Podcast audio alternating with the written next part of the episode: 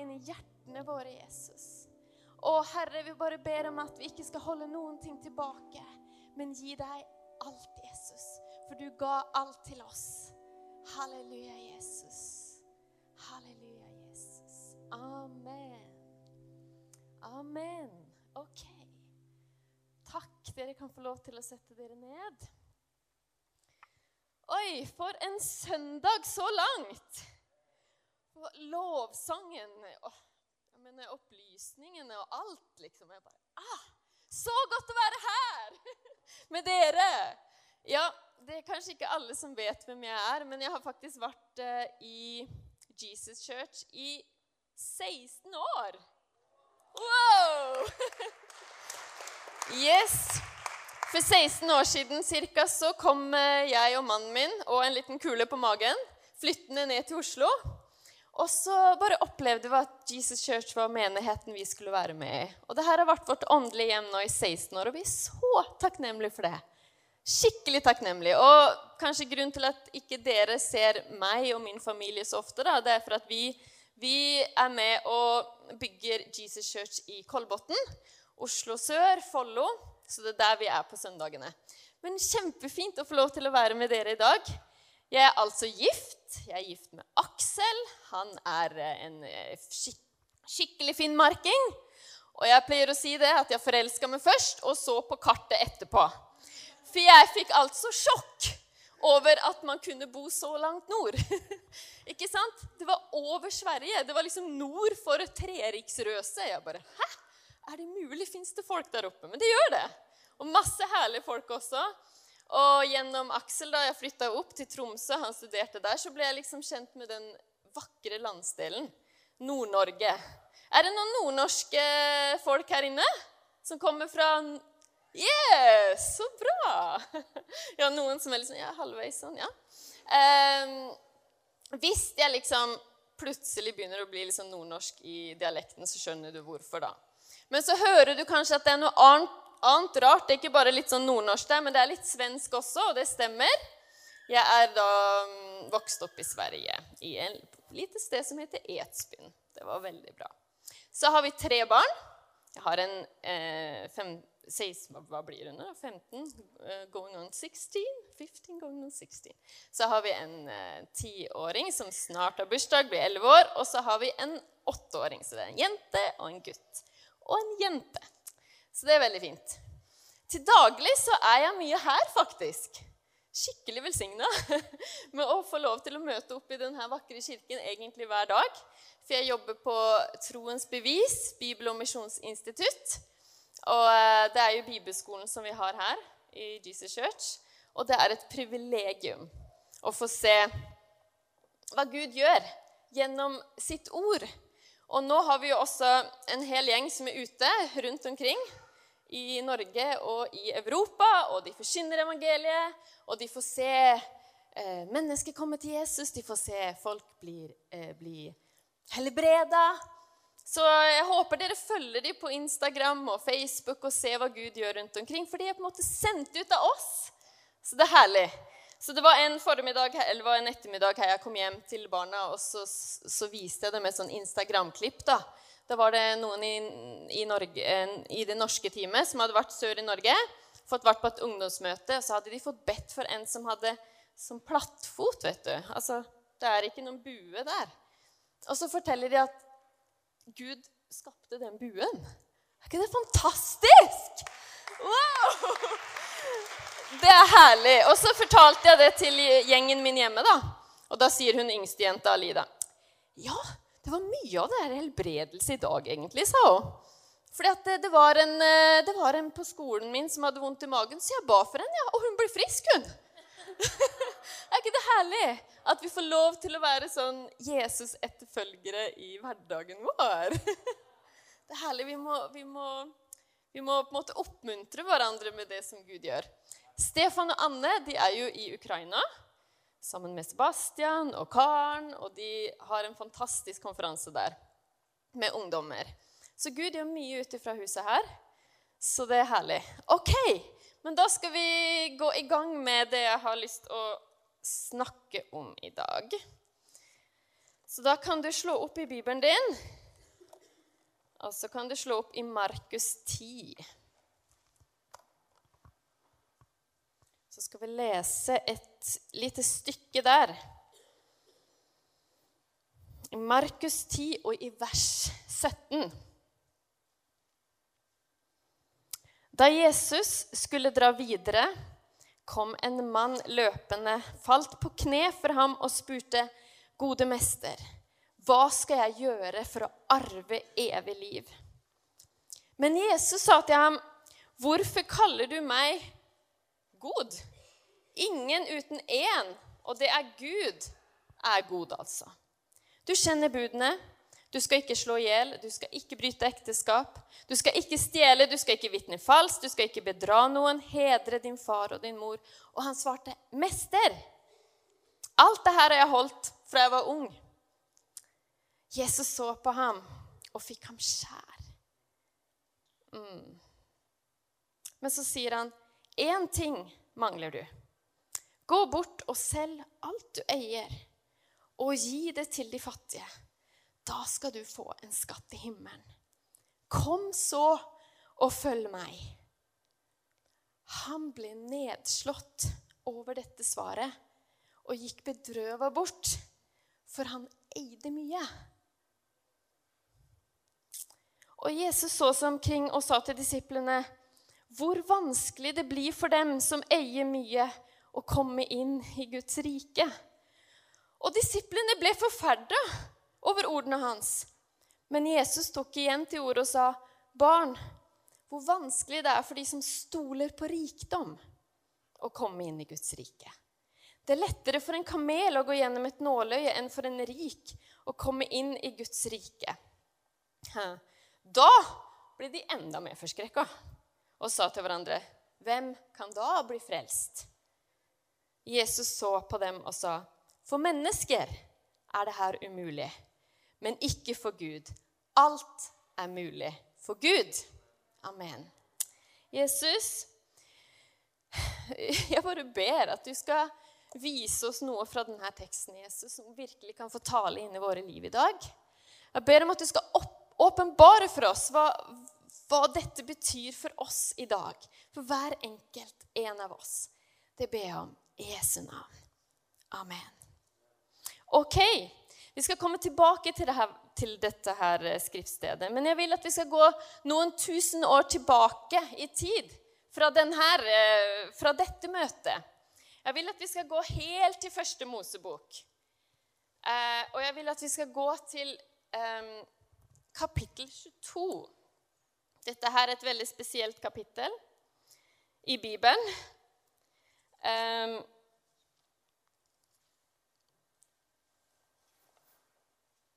Første Mosebok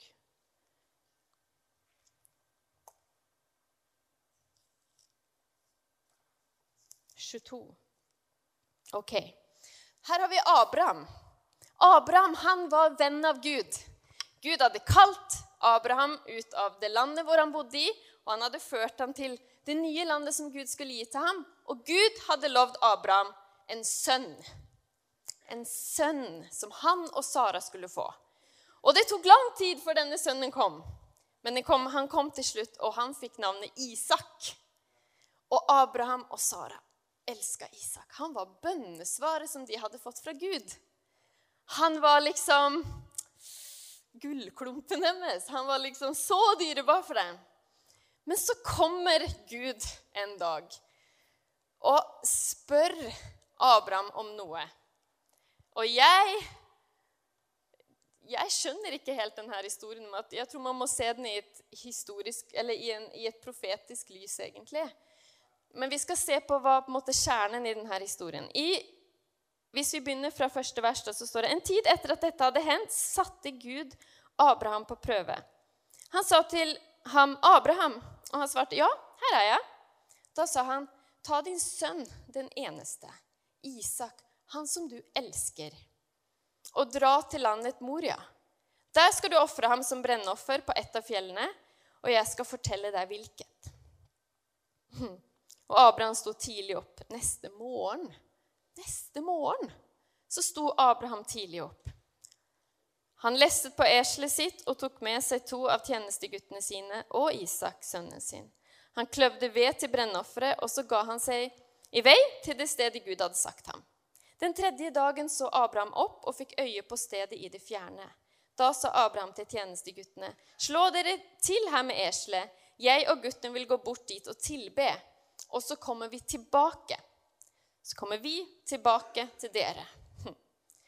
Abraham tok offerveden og la den på Isak, sønnen sin. Selv tok han ilden og kniven i hånden, og så gikk de sammen, de to. Da sa Isak til sin far Abraham, 'Du far.' Og han svarte, 'Ja, sønnen min.' Han sa, 'Se, her er ilden og veden.' Men hvor er brennofferlammet?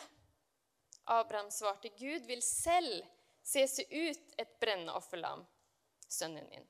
Og så gikk de sammen, de to. Da de kom til det stedet hvor Gud hadde sagt, bygde Abraham et alter der og la veden til rette. Så bandt han Isak, sønnen sin, og la ham på alteret opp på veden.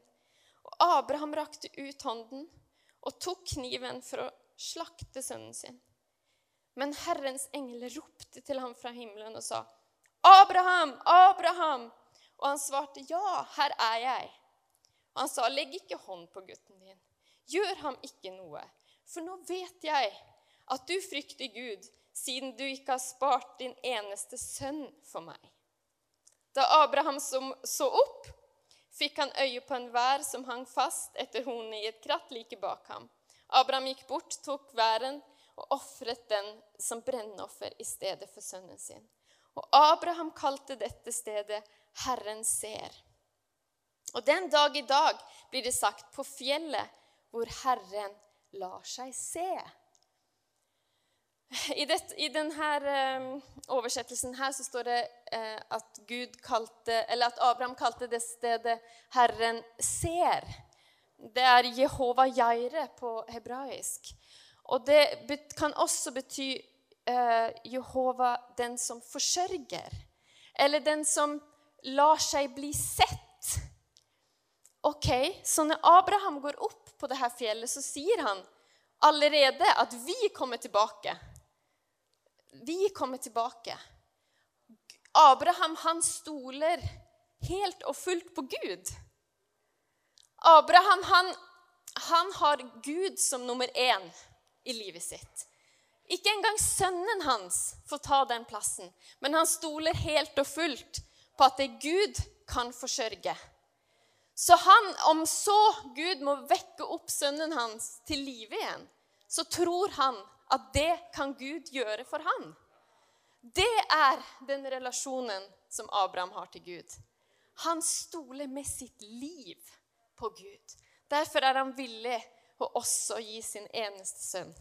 Han har jo en sønn til, men liksom den der løftesønnen, ikke sant? Eh, og, så ser vi det når han er på vei og bare gir det beste han har til Gud og gir liksom alt til Gud, så bare stopper Gud han og sier, du, du, du, jeg ser hjertet ditt. Jeg vet nå at det er jeg som er nummer én i hjertet ditt. Det fins ingenting som er over meg i hjertet ditt. Og så får han også oppleve at der kommer en, en sånn, eh, et offer som de kan ofre sammen. Men det peker også fram på en dag når Gud skal la seg se. La seg se Jesus Kristus, han er jo Gud som vi kan se. Han vandret omkring på jorden, så vi kunne se hvem Gud var. Det peker også fram på det offerlammet som Gud en dag skulle sende sin eneste sønn.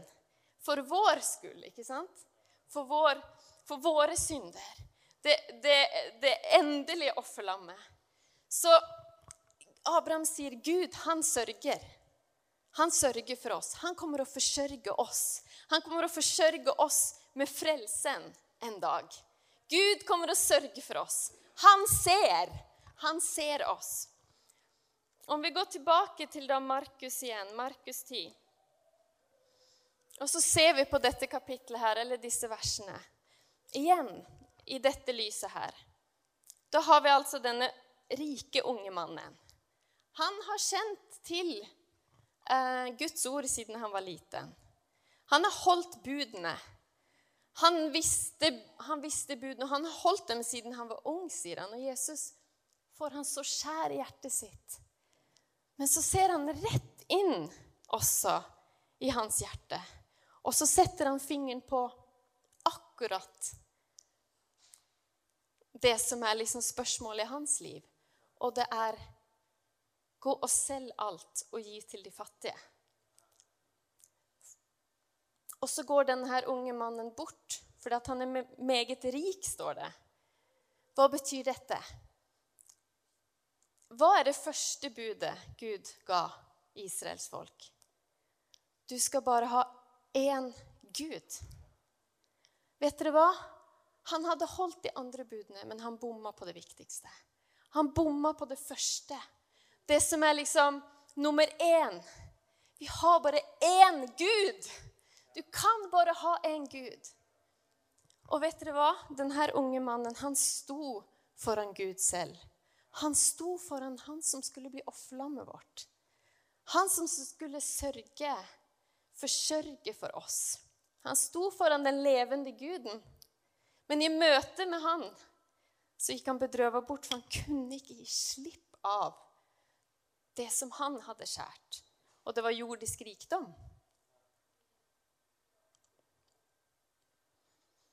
Hvis han hadde skjønt at han sto foran den som eier alt, som har skapt alt, og som har sagt 'Jeg vil sørge for deg'. Ikke bare frelsen, men jeg vil sørge alt for deg. Jeg vil gi deg alt med ham. Han som ikke sparte sin en eneste sønn, står det. Eh, han gir oss også alt med ham. Han sto foran Gud allmektig. Men i møte med Gud allmektig så klarte han ikke gi slipp på, på det lille egentlig som han hadde. Fordi at han så på det som stort. Han så på det som mye. Men det var så lite i forhold til den han sto foran. Mm.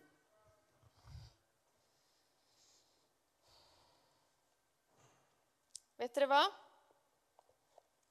Han stolte med på pengene enn Jesus som sto foran ham. Han stolte mer på sin rikdom enn en Guds offerlam som sto foran ham. Vet dere hva? Jeg vil ikke la noen ting stå i veien for å komme til Jesus Kristus og følge ham. Jeg vil at ingenting skal være i veien for meg å følge Han. Om det er rikdom, eller om det er relasjoner, eller hva det enn måtte være, så vil jeg ikke at noen ting skal få lov til å være eh, imellom meg og Gud. Men la oss da se videre i det her, i det her kapitlet. Hmm. Så ser vi jo at det er jo en gjeng til her som står sammen med de. I vers 28 så tar Peter til orde og sier, 'Men hva med oss? Vi har jo forlatt alt og fulgt deg.' Hva med oss? Vi har forlatt alt og fulgt deg. OK, så la oss se, hva, se på hva, hva, Peter og disiplene hadde gjort. La oss se på de sammenligna med han, den rike unge mannen. Og da kan vi lese i i eh, Skal vi se her Lukas 5. Lukas 5, 1.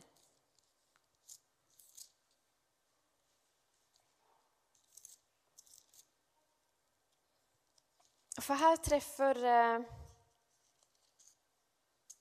Her treffer Jesus eh, Peter og, og, gjengen, holdt jeg på å si, disiplene. Så står han der på Genesaretsjøen. Folk trykker på. Han trenger på en måte et sted å å eh, preke fra. Så Jesus spør jo Peter, eller Simon som han heter da, eh, kan jeg låne båten. Og de sier OK, du får låne båten vår. De gir vilje av det de har. Eh, Jesus preker fra båtene deres. Og når han er ferdig å forkynne, så sier Jesus nå kan dere dra ut og så kan dere fiske igjen, men dere skal bare legge ut nettene på den andre siden. Og så sier jo Peter, men hallo, vi har jo faktisk fiska hele natta, vi. Men vi har ikke fått noen fisk. Men på ditt ord skal vi gjøre det. Og så legger de ut, eh, begynner å fiske igjen, kaster nettene på den andre siden, og så får de en enorm fangst. De, får, de har aldri fått en så stor fangst noen gang. Noen gang. Og, ehm, og eh, når de kommer i land, så, så bare faller Peter på kne. For at han skjønner hvem han står foran. Og han sier, 'Jeg er syndig. Jeg kan, ikke, jeg kan ikke komme nære deg nå.' Du må nesten gå bort ifra meg, Jesus. Men så sier Jesus, 'Peter, kom og følg meg.' Jeg kaller deg nå. Kom og følg meg, så skal jeg gjøre, dere til skal jeg gjøre deg til en menneskefisker. Og hva står det at Peter gjorde? Han forlot båten sin, han forlot garnene sine, han forlot fiskene der, og han begynte å følge Jesus. Dette er en annen story, folkens. Han, han, tenkte ikke 'Å, hjelp, nå har jeg begynt å få liksom, dreis på denne bedriften min.' her. Det, nå, nå, begynner jo fangsten skikkelig å komme inn her. vet du. Kanskje vi skal kalle det her for miracle fish uh, uh, liksom, business eller noe sånt. Nei. Han var ikke der i det hele tatt. Han, hadde, han skjønte det at ok, hvis Jesus kaller meg, da følger jeg han. Da forlater jeg dette her og følger han. Så nå når Peter ser og står og ser på denne unge mannen som gjør det motsatte, så sier han, men hva med oss? Vi har jo forlatt alt. Vi, vi, vi gjorde jo det. Vi forlot alt, og så, så fulgte vi deg. Og hva sier Jesus da? Hva skjer med de som velger å bare forlate eh, det som deres hjerte har skjært? Hundrefold tilbake i denne tiden. Vet du hva? Hvis du velger å følge Jesus, så er det ikke sånn at du kommer på en måte dårligere ut eller noe sånt. Nei, du skal få hundrefold i denne tiden. Og så står det så skal du få forfølgelse. Det er med i pakka, faktisk. Og evig liv. Vet dere hva? Vi kan ikke samle skatter her på jorden. Skattene her på jorden, de er usikre denne verden vi lever i, en ganske materialistisk måte å se ting på. Og det er så lett at vi tror at det materialistiske er å stole på. Det vi ser. At vi begynner å tenke lønnen min eller jobben min eller eh, kjæresten min er min forsørger. Når det bare fins én som vi egentlig kan stole på, og det er bare ett sted vi kan samle evige skatter Amen? Amen. Vi må velge å følge Jesus. Han er til å stole på. Han er til å stole på. Åh, og vi må, vi må tenke det. Vi må tenke evighetsperspektiv, folkens. Det er så, Hvis vi er kristne, vi må tenke evighetsperspektiv. Vi må det. Og jeg skal få opp um, et bilde på en, en fyr på skjermen her. Han, eh, han heter Jørgen Edvin Nilsen. Og han var jo eh, Han levde, han ble født på 1800-tallet.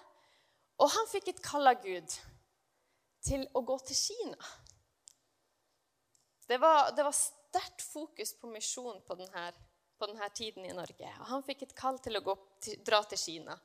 Det fantes ikke så mange måter å komme til Kina på hvis du ikke hadde en utdannelse. Så han utdanna seg til lege for å komme inn i landet. Hva ville vi ha tenkt i dag hvis du har utdanna deg til lege? Ja, men da vil du gjøre karriere, du vil, gjøre, du vil på en måte stige i gradene, du vil liksom få deg et fint hus kanskje, og, og sånn, ikke sant? Han utdanna seg til lege for at han ville tjene Gud i, uh, i Kina. Så kommer han dit. Han uh, begynner å bygge et sykehus. Det første sykehuset med, med, vestlig medisin i det området han kommer til. Han uh, starter opp skoler, barnehjem.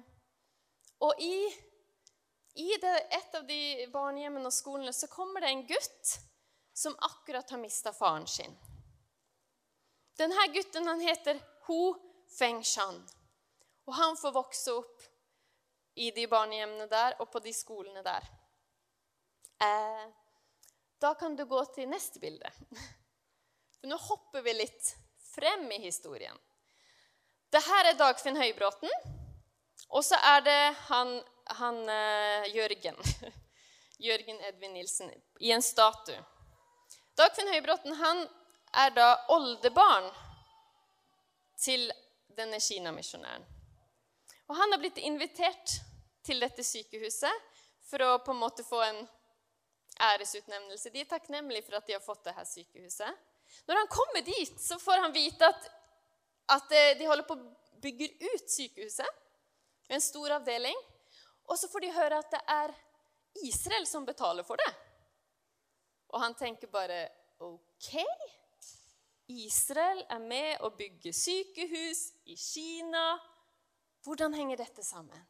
Så får de høre en veldig spesiell og fantastisk historie. Eh, denne gutten, Den kinesiske gutten som ble farløs og vokste opp på disse på, og fikk liksom sin utdannelse på skolene her, han ble senere diplomat. For han fikk en god utdannelse. Han ble diplomat. Han ble sendt ut fra Kina til Europa under andre verdenskrigen. Er han i Wien, utsendt på Kinas ambassade der. Jødene i Europa de begynner å få trangere og trangere kår. De eh, har ikke eh, De ser at ting strammer seg inn, og de vil komme ut av Europa. Ingen land nesten vil ta imot jøder. De kommer seg ikke ut. Nesten alle grenser er stengt i hele verden. Men det fins noen trygge havner, det fins noen steder de kan dra, og et av de stedene er Shanghai. Der trenger du ikke visum for å komme. Men du trenger visum for å komme ut av Europa. Det han her begynner å gjøre da Nå kan du bytte til, eh, til eh, Det han begynner å gjøre da, er at han begynner å utstede visum mot ordre fra hans overordna i Berlin. Han sier nei, dette gjør du ikke. Du får ikke lov. Han gjør det likevel. For han har lært seg at det fins noe som er viktigere enn posisjoner, stillinger, sikkerheten vår. Han har lært seg at det fins noe som er viktigere, det å tjene Gud og det å elske sin neste som seg selv. Det har han fått lært på skolen i Kina. Så han begynner å utstede pass, visum, til Shanghai. Mange visum til Shanghai. De tror at han redda 3000-5000, kanskje mer, jøder pga. dette. I dag har han et tre i Yad Vashem Eh, utenfor Israel. Det er et sted, et minnes, minnessted eh, i, eh, i, Jerusalem, hvor de minnes det som skjedde i holocaust. Han, han kalles for 'righteous among the nations' fordi han redda jøder. Og for å ære det han gjorde, så er nå Israel å bygge sykehus i Kina. Come on! Vet du hva? Når du velger å følge Jesus, når du velger å gi han alt Det kan føles som at du mister noe eller taper noe. Men vet du hva? Det du setter i gang Du vet ikke hva du setter i gang. Du vet ikke hvilke følger det får, hvor mange mennesker som vil bli velsigna, og hvor mange skatter som samles in heaven. Come on. Mm. Jeg har noen minutter igjen, og jeg vil bare fortelle min historie. Litt sånn kort. Og den her har jeg faktisk ikke fortalt offentlig før på denne måten. Ok? Fordi at eh, jeg var Eller jeg er jurist. Har seks eh, års utdannelse som jurist. Og jeg har virkelig kjent på det at vi vi som kristne vi må være overalt i samfunnet. og Vi må være med å påvirke, og vi må være med å være lys og salt der hvor vi er. Jeg tenker sånn her, og det tenker jeg fortsatt, og det må du huske på, at det er ikke noe mer hellig å stå her og peke enn å være ute og være sykepleier, lærer, eh, ingeniør, eh, politiker, whatever. Vi må, vi må, gjøre, vi må være der hvor Gud kaller oss å være. Det fins liksom ikke noe sånn helligere enn det andre. Men vi må gjøre det Gud sier at vi skal gjøre. Vi må følge Gud. OK? Så jeg var jurist, jeg jobba på Skattedirektoratet, og jeg trivdes skikkelig godt med det. Og jeg kjente jeg var i Guds vilje, og det var jeg også. Men så får jeg en utfordring fra Stefan og Arnvid. Vil du begynne å jobbe på TVMI? Uh, eh, og først, først ved juletider, da sa jeg Hæ? Omtrent sånn, sa jeg. What? Nei, det vil jeg ikke. Det tror jeg ikke jeg skal. Eh, og jeg tror ikke det er rett for meg. Eh, jeg skal være der jeg er. Men jeg skal be. Ikke sant? Jeg skal be at Gud sender de rette folkene. oh yes! og så um, Så gikk tiden, og Gud jobba med meg på forskjellige måter, og ting skjedde. Jeg var i India og fikk lov til å møte kvinner der, og fikk lov til å ha noen hilsener til kvinnene der og forsyne Guds ord. det skjedde ting i mitt indre. Mailin, du var med der. Og, og så, bare en stund etter det, så kom, eh, så kom spørsmålet tilbake til meg. Eh, vil du TV, begynne å jobbe på TBMI? Og denne gangen så var det bare sånn Wow. Det her må jeg faktisk spørre Gud om. Det her må jeg ta til Gud. Så, eh, så jeg begynte en sånn bønnetid hvor jeg liksom spurte Gud, jeg spurte folk. Mammaen min, f.eks. Veldig bra med folk som kjenner henne og sånn. ikke sant? Så, men jeg visste at jeg måtte på en måte få det fra Gud. da. Jeg måtte på en måte få sånn eh, klart fra, fra, Gud. For det er han som kaller oss, ikke sant?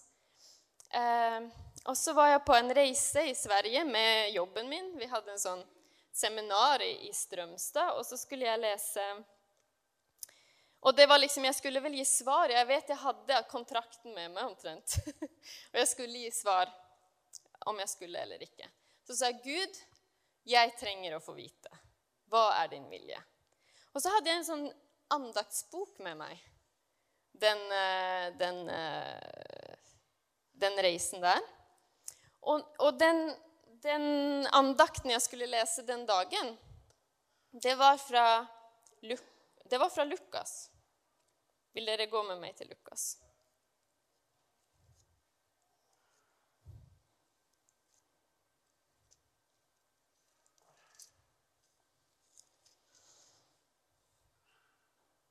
Ja. Og så kommer det her, Lukas 27. Andakten handler om den. Deretter gikk Lukas ja, 5, vers 27. Da har han kalt eh, Peter, ikke sant? Peter har forlatt alt. Så kommer han her til Levi. Og da fikk han se en toller som het Levi. Og, og jeg har aldri tenkt på den Enda jeg jobber i Skattedirektoratet, så jeg har aldri tenkt på toller på denne måten. Men dette her Jeg leste denne andagsboken på engelsk. Og på engelsk så sto det 'tax collector'. Wow! Da fikk han se en tax collector uh -huh, som het Levi, eller som het Anna. Har han satt der i tollboden, eller for meg da på Skattedirektoratet. Og Jesus sa til ham, 'Følg meg'. Og han reiste seg opp, forlot alt og fulgte ham. Og jeg bare tenkte OK Couldn't be clearer, huh? Så nå var det bare mitt valg om jeg skulle på en måte stå opp, forlate og følge. Og da står du foran den levende guden, ikke sant? Og du kan ikke noe annet enn å bare si OK. I trust you with my life. Og det var ikke det store greia. Jeg flytta ikke til Kina, liksom. Jeg skulle bare bytte arbeidssted, egentlig. Så det er ikke så stort. Det er ikke det. Ikke, jeg, er noen, jeg, er virkelig ikke noen, noen superhelt for det her overhodet. Det var, liten, det var en liten pris, og egentlig ikke noen pris å betale heller, for jeg elsker jo det. Jeg elsker jo det virkelig å få lov til å jobbe med liksom, å gi Guds ord og gi fundament eh, i Guds ord til unge mennesker. Det fins ikke noe bedre å gjøre enn det. Men vet dere hva? Hva du enn gjør, hva du enn er i livet Du kanskje ikke kjenner Jesus ennå. Eller du kanskje har fulgt Jesus i mange år. Kanskje du til og med er som Peter, for Peter litt senere i livet så hadde han fornekta Jesus tre ganger. Og han endte opp i båten sin igjen og fiska, og fikk ikke fisk igjen. Husker dere Johannes 21 så står om Peter som sitter i båten igjen? Hvem kommer på nytt på stranda og sier til Peter 'Kast ut nettet igjen!' Og som på nytt får oppleve et mirakel fra Gud. På nytt får se at det er Jesus som er den eneste forsørgeren for meg. Det er bare han som sørger for meg. Og som bare svømmer til land, for nå skjønner han at jeg har ingenting å gjøre i denne båten. Denne båten det er et avslutta kapittel i mitt liv, liksom. Og han svømmer i land, og Jesus har gjort en ild der. Og så sier han, så sitter de sammen, og så, så går han rett til kjernen igjen. Elsker du meg? Å ja! Jeg elsker deg, Jesus. Jeg elsker deg, Jesus. Å, jeg var redd for å tape livet mitt en stund. Derfor fornekta jeg deg. Men du, det vil jeg ikke gjøre igjen. Jeg elsker deg. Og så spør Jesus tre ganger, like mange ganger som han hadde fornekta Jesus. Elsker du meg? Yes. Og så får han oppdraget sitt. Kanskje du er en sånn også som på en måte har Du har sagt du har forlatt garnene en gang. Du har forlatt en gang, men så kanskje det skjedde ting. Du ble kanskje besviken på deg selv. Du kanskje ble besviken på noen andre. Kanskje det ikke holdt på den måten som du ønska. Jesus kommer på nytt, og så sier han, 'Følg meg'. Følg meg! Elsker du meg? Elsker du meg over alt dette her andre? Jeg skal sørge for deg. Å, vet dere hva, kirke? Church! Vi kan ikke la altså denne materialistiske ånden holde oss tilbake. Vi må være helt fri fra den i våre liv. Vi må være helt fri og bare vite at Gud sørger for oss. Som du sa også tidligere i Kollektbit, vi må være fri. Vi må kunne gi. Vi velsigner. Våre liv er en velsignelse. Vi stoler på Han. Han er kilden vår. Oh, this world is not our source. Gud er vår kilde. Gud er vår forsørger. Gud er vår frelser. Vi står innenfor den levende Guden, og han sier, 'Følg meg'. Elsk meg. Amen. Amen.